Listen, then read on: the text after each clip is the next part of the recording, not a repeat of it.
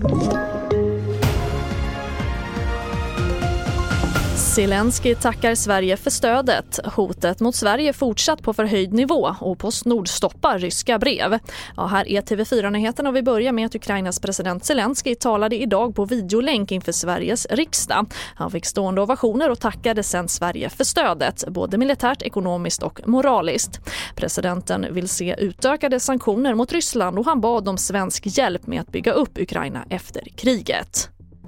Och Zelensky varnade också för en möjlig rysk aggression mot Sverige och sa att bara vatten skiljer oss åt. Presidenten hänvisade till ryskt tv-program där man diskuterat hur ett angrepp mot Gotland hade kunnat sett ut. Försvarsmakten tonade ner det hotet vid myndighetens pressträff i eftermiddags. Det vet vi allihopa att, att ön har en väldigt viktig strategisk betydelse så att det går inte att utelämna Gotland från ett eh, strategiskt eller för den delen operativt övervägande.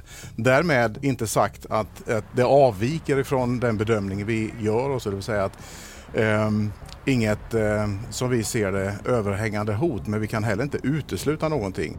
Och det sa Mikael Claesson, insatschef på Försvarsmakten. Och Säkerhetspolisen konstaterar i sin årsrapport att säkerhetshotet mot Sverige fortfarande är på en förhöjd nivå och nu snabbt har försämrats ytterligare efter Rysslands invasion av Ukraina. Hittills har man inte sett några konkreta nya hot efter Ukraina-invasionen men Säpo-chef Charlotte von Essen är bekymrad och menar att framförallt IT-säkerheten behöver förstärkas inom nästan alla sektorer. Det är en mycket allvarlig händelseutveckling vi, vi ser och, och som, eh, med anledning av det som händer i Ukraina. Och eh, jag är orolig för att vi har vår säkerhet runt det mest skyddsvärda är inte tillräckligt god.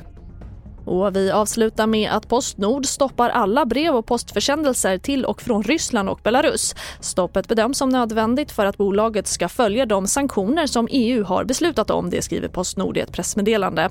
Sen tidigare har företaget stoppat alla logistikflöden till de båda länderna. Fler nyheter det hittar du allt på vår sajt tv4.se i studion nu, Charlotte Hemgren.